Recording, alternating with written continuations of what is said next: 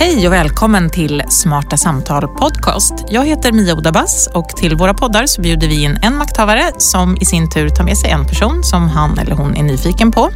Och så lyssnar vi på ett samtal mellan dessa båda om aktuella samhällsfrågor.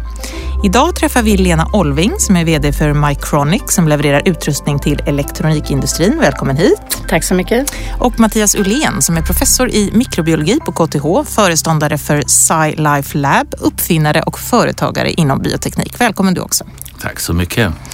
Lena, du har lång erfarenhet från ledande positioner på bland annat Volvo personvagnar. Du har varit på försvarskoncernen Saab och du har vunnit pris som Sveriges mäktigaste kvinna i näringslivet. Och Mattias, du har ju väldigt tunga vetenskapliga meriter, men du verkar också för industriell tillämpning och har startat många bolag inom bioteknik. Och det ska vi prata mer om alldeles strax. Och ni två möttes i bioteknikbolagets Novozymes styrelse. Och det var där någonstans, tror jag Lena, som din nyfikenhet på Mattias började. Berätta, varför är du nyfiken på honom? Och det finns många skäl.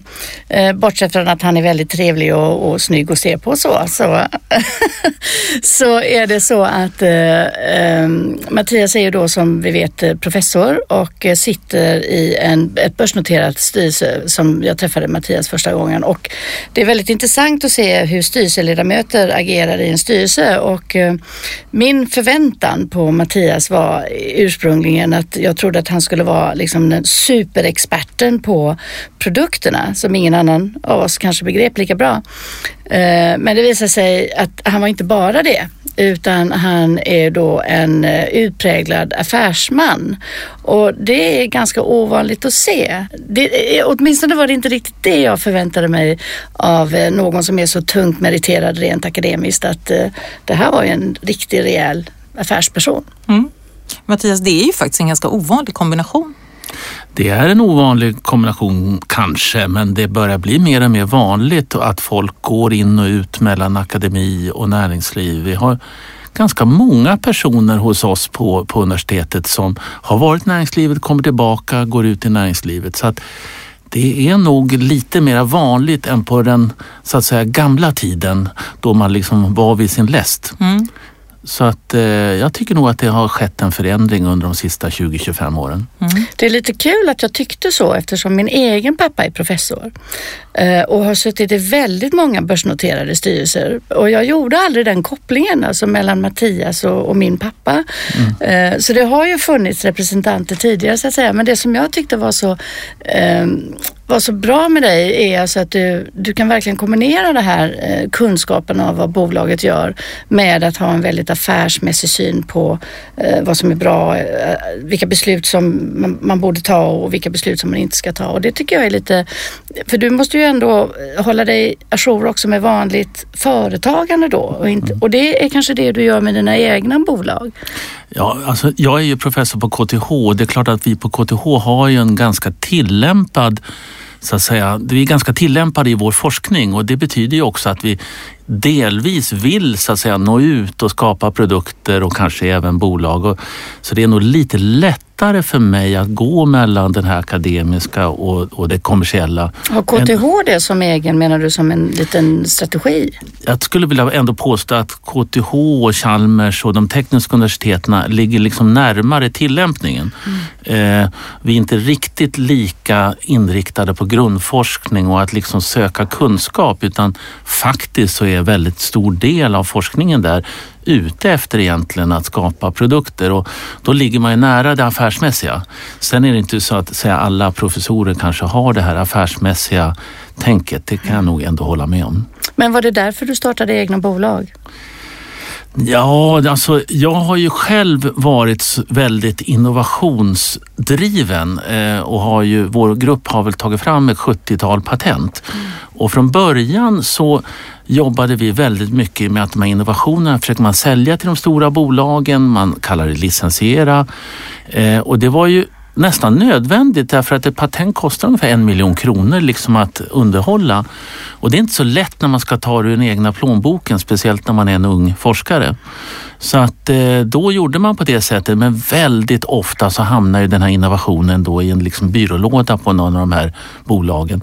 Så att på 90-talet så kom ju riskkapitalet på allvar till Sverige och då lite grann inspirerad av det så istället så börjar man då förpacka innovationer i, i bolag virtuella bolag och sen så började, man, började vi spinna ut det och det var enormt mycket roligare. För man fick liksom vara med i processen från den första upptäckten, första innovationen, skriva patent och sen se till att den sagt, faktiskt för, för, förverkligas. Så det är en otroligt eh, spännande och ganska kreativ resa faktiskt. Du har ju startat ett tiotal bolag eh, ungefär inom mm. Eh, bioteknik och det är ju ändå nu, du beskriver det som att det är en bra miljö på KTH att mm. Eh, gå från eh, akademin till näringslivet och starta bolag på det sättet. Men det är ändå olika egenskaper som krävs, tänker jag, i de olika sfärerna och i de olika stegen. Absolut, och det, och det är klart att sysslar man med forskning så är det ju en det är precis som du säger en helt annan drivkraft att man måste in på djupet och väldigt mycket detaljer och väldigt mycket man ska liksom skapa kunskap och så mäts man egentligen på hur många eh, publikationer man får, hur många citeringar. Det är liksom en, en egen värld i sig som är väldigt tävlingsinriktad måste jag säga. När du ska liksom skapa innovationer då är det något helt annat. Då gäller det att få ett lag att fungera, vara ganska målinriktad och egentligen kanske det är mindre numeriskt det, på det sättet att det liksom eh, i slutändan är det om man får någonting som folk gillar där ute. Eh, men jag håller med, det är en helt annan sak att liksom läsa balansräkningar och resultaträkningar och, och den sidan. Men den lär man sig ganska, jag ska inte säga lätt, men, men på resan så lär man sig det här mera affärsmässiga. Är det lättare att lära sig det affärsmässiga än det vetenskapliga? Det måste det ju vara eftersom jag inte är professor. Nej, lättare och lättare. Det är ju så här att när, du, när det är vetenskapliga så gör man djupdykning. Man har ett ganska litet område och där gräver man en djupare och djupare grop liksom och så hoppas man att man hittar någonting. Jag ska inte påstå att det är svårare utan det är bara en väldigt mycket mer dedikerad sysselsättning. Affärsmässigt är ju på sätt och vis en mycket mer generalistisk eh, liksom, verksamhet. Man kan liksom gå från ett bolag till det andra. Men samtidigt är det ju intressant att se Lenas utveckling då eftersom och det som jag beundrar då hos Lena, det är ju det att hon, dels att hon är kvinna i en väldigt teknik driven eh, företagsvärld men också har gått från väldigt olika bolag. Då. Volvo som är väldigt stort, Saab som är väldigt internationellt och Mycronic nu då som är ett av de mest teknikdrivna bolagen i Norden skulle jag vilja säga. Och att vara då i en värld som är väldigt teknikdriven, för alla de här tre bolagen är ju väldigt teknikdrivna.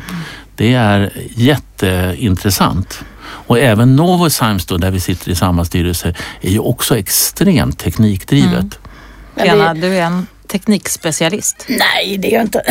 det tror jag inte att jag kan påstå. Men jag, jag har alltid sökt mig till bolag som har eh, produkter. Jag, jag, jag, tycker att det är viktigt att det finns någonting att ta på.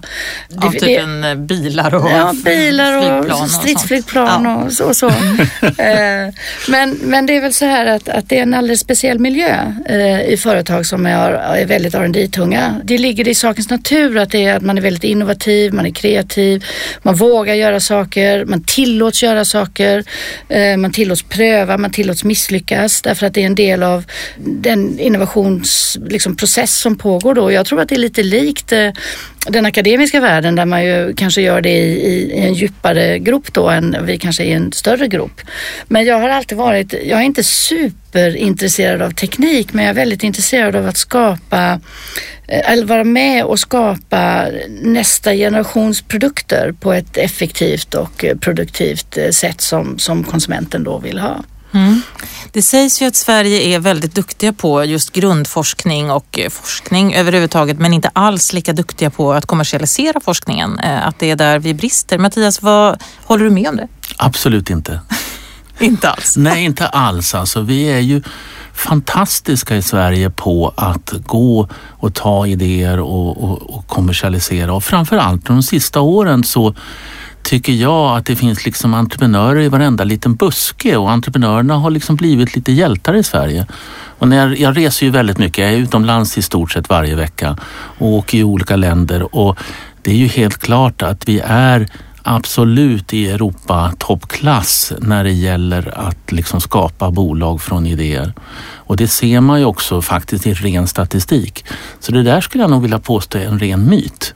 Men hur eh. duktiga är vi på att skapa, alltså är det inte så att vi har ju alltid varit väldigt innovativa i, i, i kalla Norden på något sätt. Vi har alltid blivit mm. tvungna att och lösa problem själva. Vi har inte de allra största universiteten och sådär.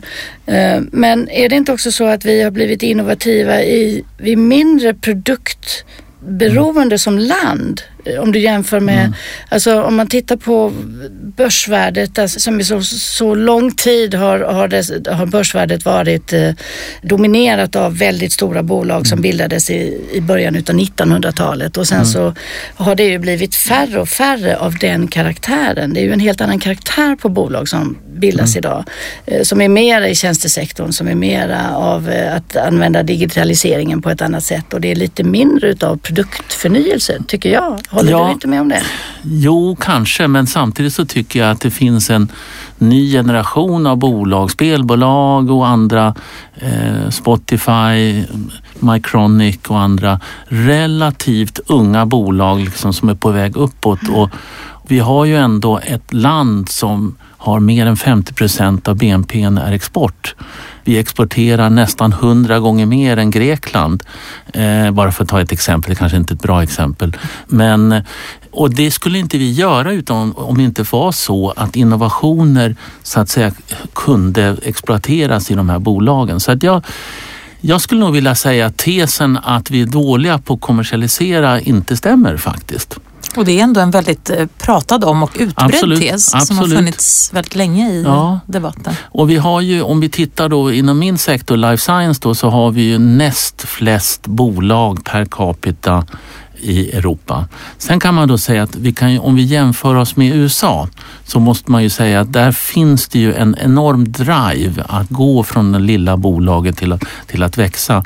Medan i Sverige har vi ju ett problem, ibland kallar man det här timglasproblemet, att vi har väldigt många små bolag och vi har väldigt få av dem som växer och blir riktigt stora. Mm. Eh, men vi håller ju även där tycker jag på att liksom bli lite bättre. Mycronic är ett bra exempel, Spotify är väl ett annat och så vidare. Så att jag är nog ganska optimistisk än så länge över Sveriges chanser i en konkurrensutsatt värld. Mm. Men är life science ett speciellt område som är, som är duktigare än andra områden?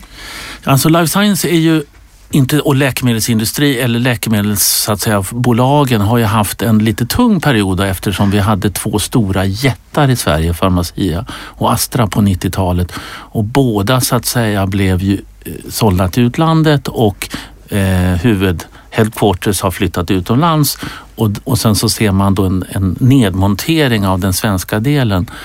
Det har varit väldigt tungt för, för så att säga, den här branschen men återigen nu så är det en otrolig optimism känner jag med många bolag som nu liksom gör ganska häftiga framsteg och tjäna pengar och så vidare och börsvärden som galopperar och så vidare. Så att, och samma sak är det tycker jag på spelbolag och, och, och en hel del av teknikbolagen. Så att, nu hör ni att jag är en en väldans optimist mm. eh, och det kanske liksom eh, lyser igenom här nu. Va? Men eh, det, nej, jag, jag, tycker nog att vi är ganska duktiga på det här. För du har först spräckt myten här om att vi inte skulle vara duktiga på att kommersialisera forskning ja. och nu så precis det du säger om att det är ju också någonting man pratar om att vi har inte de här liksom medelstora bolagen utan när de små blir lite, lite större så drar de ut. Har det ju varit mm. teknikbolagen, spelbolagen till exempel. Men det håller också på att förändras, är du inne på? Ja, fast det, det, där är jag nog ute på lite djupt vatten för att statistiskt sett så stämmer det nog fortfarande mm. att när bolagen lyckas, de små bolagen lyckas så finns det en väldigt stor tendens att de köps upp.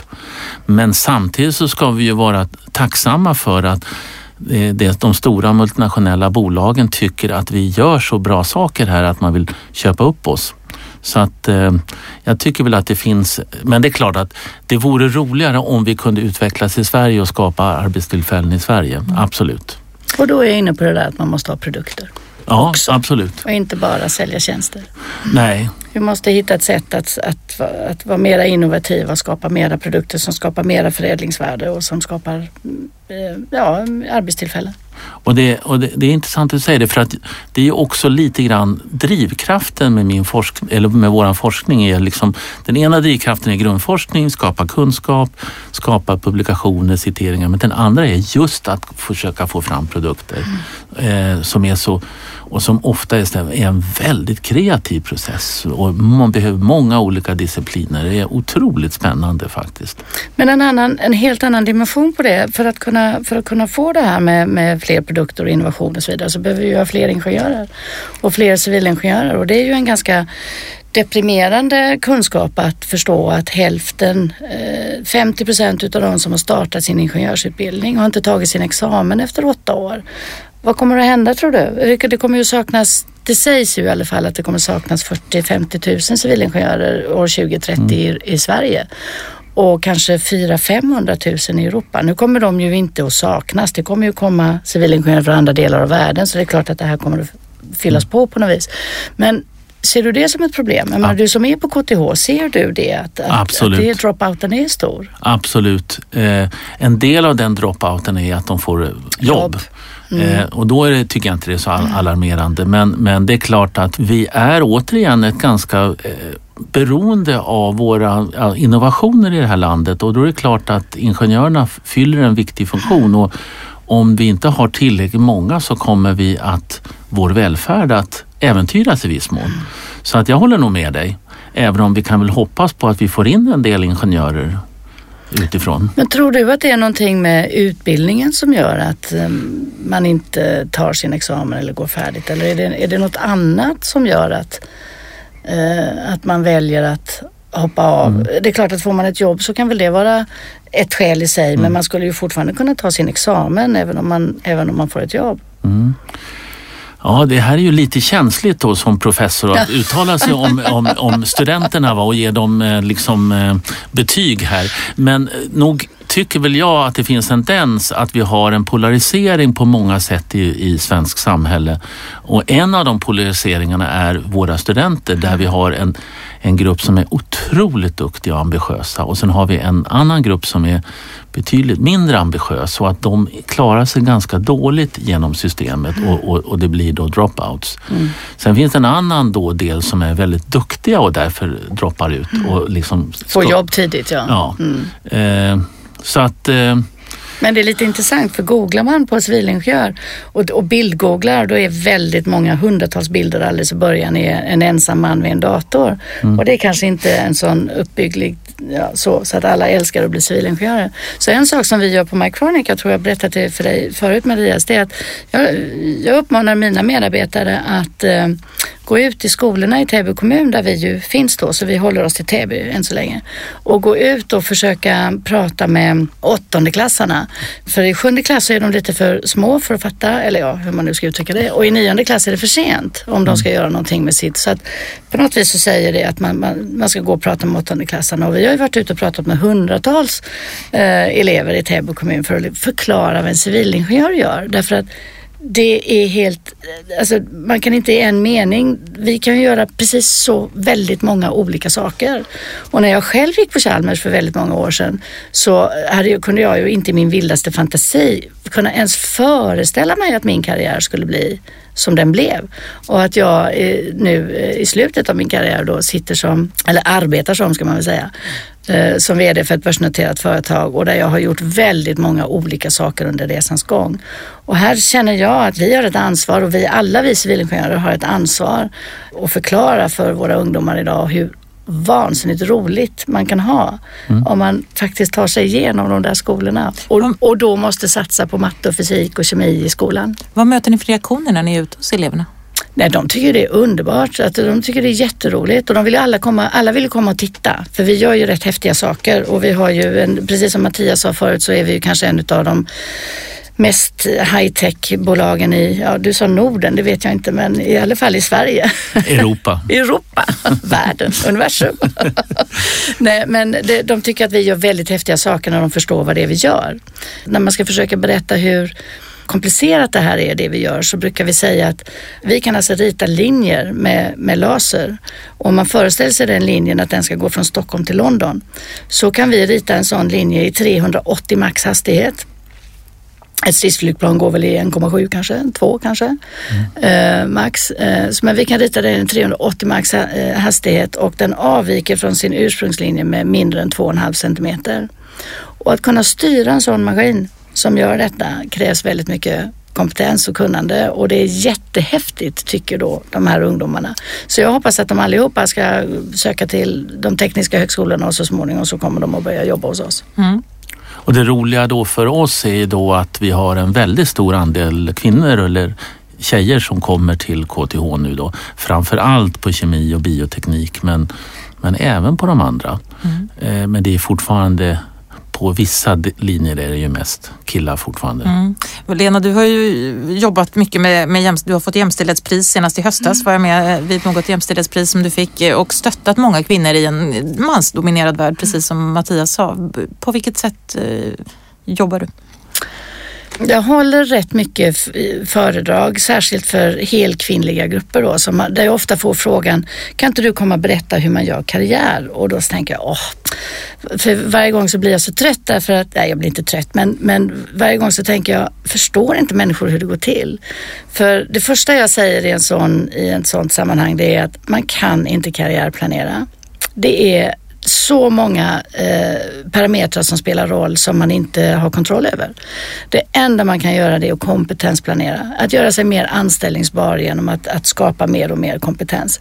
Så då håller jag ett långt föredrag om det då. Men det andra är att jag är inte riktigt en formell mentor för jag, jag, inte, jag, tycker inte riktigt om det där strukturerade mentorsprogrammet där man ska läsa böcker tillsammans och man ska gå och lyssna på saker tillsammans. Men jag äter frukost eh, med tiotal varje år, men de byts ut lite grann under en, ett gäng år. Så äter jag frukost med kanske ett, eh, fem till tio olika eh, tjejer som gärna är under, jag vill gärna att de ska vara under 30 år.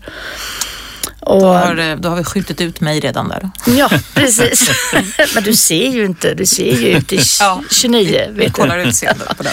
Och, och, och då behöver jag inte, det kan vara alla möjliga branscher. Och så äter man frukost och så masserar man något problem som de har och så ger jag liksom bara av den erfarenheten jag har och sen kan de använda den eller inte använda den. Så det är så jag försöker stötta eh, unga kvinnor. Men sen är jag ju förstås väldigt noga med i mitt eget bolag att vi alltid har jag ger mig inte. Alltså det får inte vara så att man kommer med sina sista tre kandidater och det finns inga kvinnor med i den. Så det, är, det, det är hemläxa direkt. Eh, och det gäller också eh, searchbolagen, så de vet det. Mm. Ska de jobba med mig så måste de hitta kvinnor. De får bakläxa om de inte klarar av det. Eller om de säger att de inte klarar av det, för då fnyser bara jag. För det var detta du fick pris för, Allbright-priset, mm. att uh, ni är så konsistenta mm. just i uh, hur ni driver de processerna. Mm. Och det ger förstås resultat i slutet. Ja, och samtidigt så rekryterar vi alltid på kompetens och det är inte så att det alltid är en kvinna som är mest kompetent. Utan man, men när man har sina sista tre kandidater så borde det åtminstone alltid finnas en kvinna. Mm. Och jag, jag, tror väldigt mycket på just det här att kanske inte att jobba med kvotering men att hela tiden ha i baktanke liksom det här att det ska vara en åtminstone en kvinnlig kandidat som är med i slut, så att säga, gallringen. Och det, det är någonting som vi jobbar jättemycket med på universiteten just nu. Och det är ju också en stor kader av unga tjejer som ändå är på väg upp i systemet. Men hur många av dina doktorander är kvinnor? Eh, ungefär lite drygt hälften. Mm. Alltså genom tiderna kanske jag ska till och med säga då. Eh, för just nu har jag väldigt få doktorander. Men en, nu har jag bara två och det är en kille och en tjej. Nej men vad bra, då är ja. ju 50 procent. Nej men alltså jag, vi, jag, jag, jag, har faktiskt producerat eh, drygt 100 doktorer och mer än 50 av dem är, är tjejer. Wow, du borde ju också få pris. Ja precis, ja. det är jämställdhetsprisläge här. men det är, inom bioteknik så är det hälften tjejer. Ja. Så att det är, I alltså, utbildningen? I utbildningen mm. och på doktorandnivå. Mm. Så att, Fördelas pengarna också 50-50? Nej, men sen är det alltså ett, eh, det är fortfarande så att eh, sen i nästa steg då när man blir lektor så att säga, då är det färre kvinnor. Mm. Så att det, det är fortfarande har vi ett systemfel där. Mm. Men det kan du göra någonting åt? Ja, det försöker man. Ja, det gör ju precis, Mattias snart. Ja, just då, det är precis som du säger. Jag tror att det är bara medvetenhet hela tiden och att hela tiden se till att man eh, låter eh, det vara rättvist. Mm. Mm. Om jag för tillbaka oss till den här diskussionen kring hur man då kommersialiserar sin forskning och hur man går från liksom, eh, akademiska resultat till också framgångsrika företag. Eh, du säger Mattias att vi är ganska bra på det ändå i Sverige. Mm. Eh, vad är det som krävs? Hur skulle vi kunna bli ännu bättre? Är det någonting som vi skulle behöva mer av? Alltså, eh, jag har ju startat ja, faktiskt 12 bolag tror jag och eh, det som jag har lärt mig det är att varje sån här resa är unik. Det är oftast väldigt mycket kreativitet, väldigt eh, liksom attention to details brukar jag säga att det, vi har det gemensamt Lena och jag. Eh, och eh, också hårt arbete och det är en berg och dalbana i alla fall tycker jag. Eh, Sen när det gäller, jag tycker ju då att vi faktiskt har en relativt obyråkratisk så att säga sätt, alltså att bilda bolag och att starta dem och så vidare tror jag är jämfört med andra länder relativt bra. Vi har relativt lite mjuka pengar i systemet, liksom stöd och så vidare. Och det är klart att det kanske skulle vara bra om man kunde ha in lite sånt. Men ja, Lena, jag tycker att i stort sett så är det ändå en ganska bra miljö vi har faktiskt för, för att bilda bolag i Sverige. Är jag för optimistisk? Nej, men hur många likasinnade har du som har startat 12 bolag? Jag menar, du är ju speciell på det viset att du inte bara är professor och du är kanske inte säga världsunik i din kompetens, men du är ju väldigt duktig på det du gör. Du är ju serieentreprenör och, och det är ju så himla många hittar man väl inte ändå? Ja, men jag tycker nog ändå, jag, jag har ju varit chef då för det här Science for Life på KI, som, eller på, i Stockholm och Uppsala som då har gått från noll personer till tusen på en ganska kort tid. Och i den, bland de gruppledarna där så jag skulle säga att det är väldigt många av dem som också liksom är intresserade eller har startat bolag. Mm. Så att jag, det är inte så många som har startat 12, det måste jag säga det tror jag inte är någon annan. Men, men eh, det är inte så ovanligt längre. Men du har aldrig känt att du skulle vilja ta något bolag till att vara den som tar det från det, för du startar ju verkligen från grunden med embryot mm. med, med ditt eget patent och, mm. och, och, och, eh, lite riskkapital någonstans ifrån. Du har aldrig själv liksom känt att du skulle vilja ta det till ett världsomspännande, globalt, eh, internationellt företag med ett, ett nytt Astra? Ja, men det kanske man kan göra ändå fast man gör det så att säga som i, från en styrelse så att säga mm. plats istället. Nej, alltså jag tycker att jag har ett perfekt liv genom att kunna få kombinera grundforskning och, och nyfikenhetsforskning med den här mera tillämpade forskningen och att istället för att hänga med så stannar jag kvar i den miljön. Eh, nej, det är en ynnest faktiskt. Fördelar du din tid ungefär? ditt dygn kanske har mer än 24 timmar? Ja, kanske inte 24 men kanske lite mer än 40 timmar i veckan. Det, det, det måste man nog säga. Det, och det beror nog på att, liksom, att jobba med grundforskning så måste du lägga ner en viss bas timmar för att liksom ändå nå och lägga sig vid forskningsfronten. Och lite grann samma sak är det med bolag. Man måste ju ändå... Eh, nej, men jag ägnar nog mest åt forskningen. Absolut. Det gör det? Så, ja, mm. absolut. Eh, och, eh, och eftersom när man spinner ut de här bolagen då, är det ju, då, då, finns det ju en VD där som tar hand om det och, och då är det mer att man jobbar med det strategiska och, och, och lite mer mentoraktigt så att säga. Vad är det för forskning du håller på med just nu? Nej, men jag håller ju på med eh, att kartlägga alla människans byggstenar och har ju fått ett fantastiskt anslag från Wallenbergstiftelsen på nästan en, ja, drygt en miljard nu.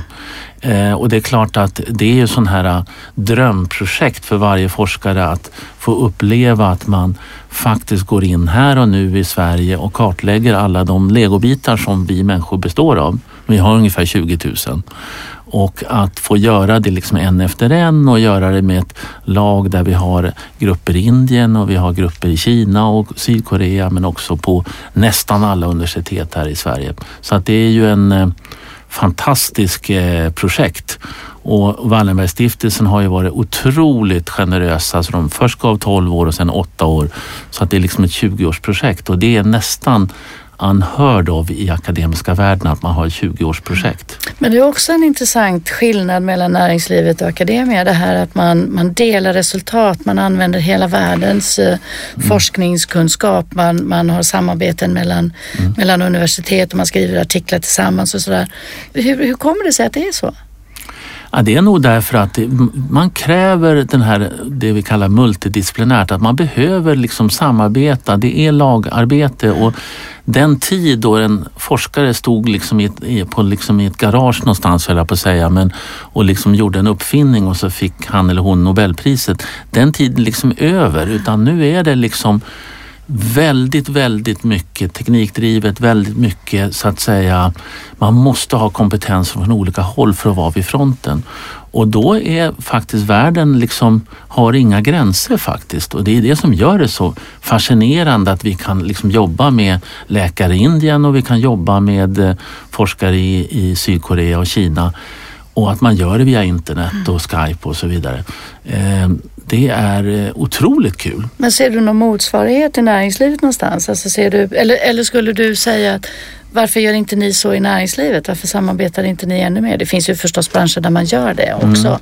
Mm. Men skulle, skulle världen må bättre, tror du? Om, vi, om man i näringslivet skulle hitta samma typ av samarbetsmodell som man har i akademin? Men samtidigt så är det ju, eh, jag menar bolagen outsourcar ju liksom sin verksamhet mm. och, och man jobbar ju, Novozyme som vi, som vi sitter i styrelsen har ju liksom forskningssajt i, tror jag det var 12 länder mm. och sånt. Så att, så att jag ser nog en liknande tendens även i de här stora, framförallt de multinationella bolagen. Men eh. jag går ju inte till mina konkurrenter och säger, eh, Nej. ska vi titta på det här hur vi skulle kunna Nej, varför gör du inte det? Lena? Ja, det är just det jag undrar. Ja. Nej, men, jag, men samtidigt är det ju som så att när man jobbar då inom ett företag så vill man ju ändå vara fokuserad och man vill liksom kontrollera och och, och så vidare och då kanske man bör, bör vara lite mer sluten. Mm. Men eh, Lena, du har inte gått till dina konkurrenter. Tror du inte ni skulle kunna hitta på något sådär ett plus ett blir tre, tänker jag, tillsammans? Alltså det är inte alls omöjligt att det skulle kunna vara så. Det är, det är mera formerna därför att jag tror att eh, den form som akademin lever i är ju en öppen liksom, struktur. Medan vi från början lever i en, i en, i en mera begränsad struktur i form utav bolagsbildningen som sådan, vilken den nu är. Eh, börsen, ägarna och vi har ett väldigt specifikt uppdrag. Och i det att, att ehm, att hitta samarbeten är ju, är, är ju, väldigt möjligt och som man också har. Man har det i väldigt många industrier men i bilindustrin är det väldigt vanligt att man samarbetar i, i olika, på olika sätt. Men den här branschen som jag är i nu elektronikindustrin den är mycket mer sluten än, än vad jag är van vid. Och om du tar försvarsindustrin så är varje konkurrent i försvarsindustrin är också en samarbetspartner. Mm. Eh, lite grann är det så också i, i bilvärlden eller i automotive men inte alls så i elektronikindustrin. Det är väldigt vattentäta skott eh, mellan konkurrenter men också mellan vad slutproducenter är, är, är villiga att ge med sig av sin information för framtiden så att man kan bidra på ett annorlunda vis. Men det är en av de sakerna som jag jobbar väldigt mycket med. Det är alltså att få våra kunders kunders kunder att förstå att om de samarbetar med oss på det viset att vi får information mycket tidigare så kan vi eh, lösa deras problem mycket eh, effektivare än om, om vi liksom ska gissa oss till mm. vad som ska hända i, i framtiden. Mm. Så det är klart att jag, jag försöker hitta, det, hitta andra sätt att skapa samarbeten i, i, min egen värdekedja. Men kanske inte så mycket med konkurrenterna men jag kanske ska gå hem och fundera mm. på det. Det kanske är ett eh, medskick från eh, dagens mm. diskussion. Mm. Sverige som litet land skulle gynnas av att akademin och näringslivet kommer närmare varandra och att man eh, utnyttjar varandras styrkor for the benefit of the country kanske snarare än just för mm. ett, ett visst bolag. Hur skulle det gå till då? Jag, jag har ingen sån där jättebra idé på det men man skulle, man skulle kunna tänka sig att, att um, när man lägger, eh, vad heter den här proppen som man lägger? För Forskningsproppen. Forskningsproppen. Eh, så kanske man skulle kunna vara mycket mer distinkt i eh, hur samarbete, alltså hur skulle man kunna utnyttja forskningsproppen för att säkerställa att näringslivet får liksom en sorts släng utav det på ett sånt vis att det gynnar eh, gynnar då arbetstillfällen i Sverige exempelvis. När man läser forskningsproppen så är den ju lite mera liksom luddig kan man säga, va? eller mm. fluffigt mm. Mm. formulerat och det framgår inte riktigt vad man egentligen kanske vill. Eh, mm. Även om jag tror att politikerna tycker nog säkert att man, att man lägger fram det väldigt, mm. väldigt tydligt. Eh, men det jag tycker att man kan sakna är, är hur, hur, kan vi använda den, all den forskningskunskap och de pengar som man ändå satsar till att bygga välfärd och eh, näringsliv i Sverige. Mm. Och men det har ju skett en förändring då att näringsdepartementet är med i mm. fram, att ta fram forskningsproppen och man kallar det forskning och innovationsproppen. Vilket är väldigt bra. Ja, så att det finns, det som du säger tror jag ändå precis som du också säger, politikerna inser. Mm. Och att vi liksom måste ha en, en, någon slags synergi mellan den rena forskningen och, och innovationstänket. Ja, och att det inte blir två olika världar. Därför mm. att det ska ju ändå i slutändan inte bara leda fram till bättre kunskap mm. utan också bättre, eh, ett bättre samhälle. Mm. Mm avslutar vi den här diskussionen med ett tydligt inspel till den forskningsproposition som ska presenteras nu i höst, eller hur? tror jag? Precis. Ja, Just det. tar vi med oss till en annan podd. Lena Olving och Mattias Sylén, stort och varmt tack för att ni var med här idag i Smarta Samtal Podcast och mycket stort tack också till er som har lyssnat. Hej då! Hej då! Tack! Smarta Samtal Podcast spelas in och produceras på Beppo ljudproduktion.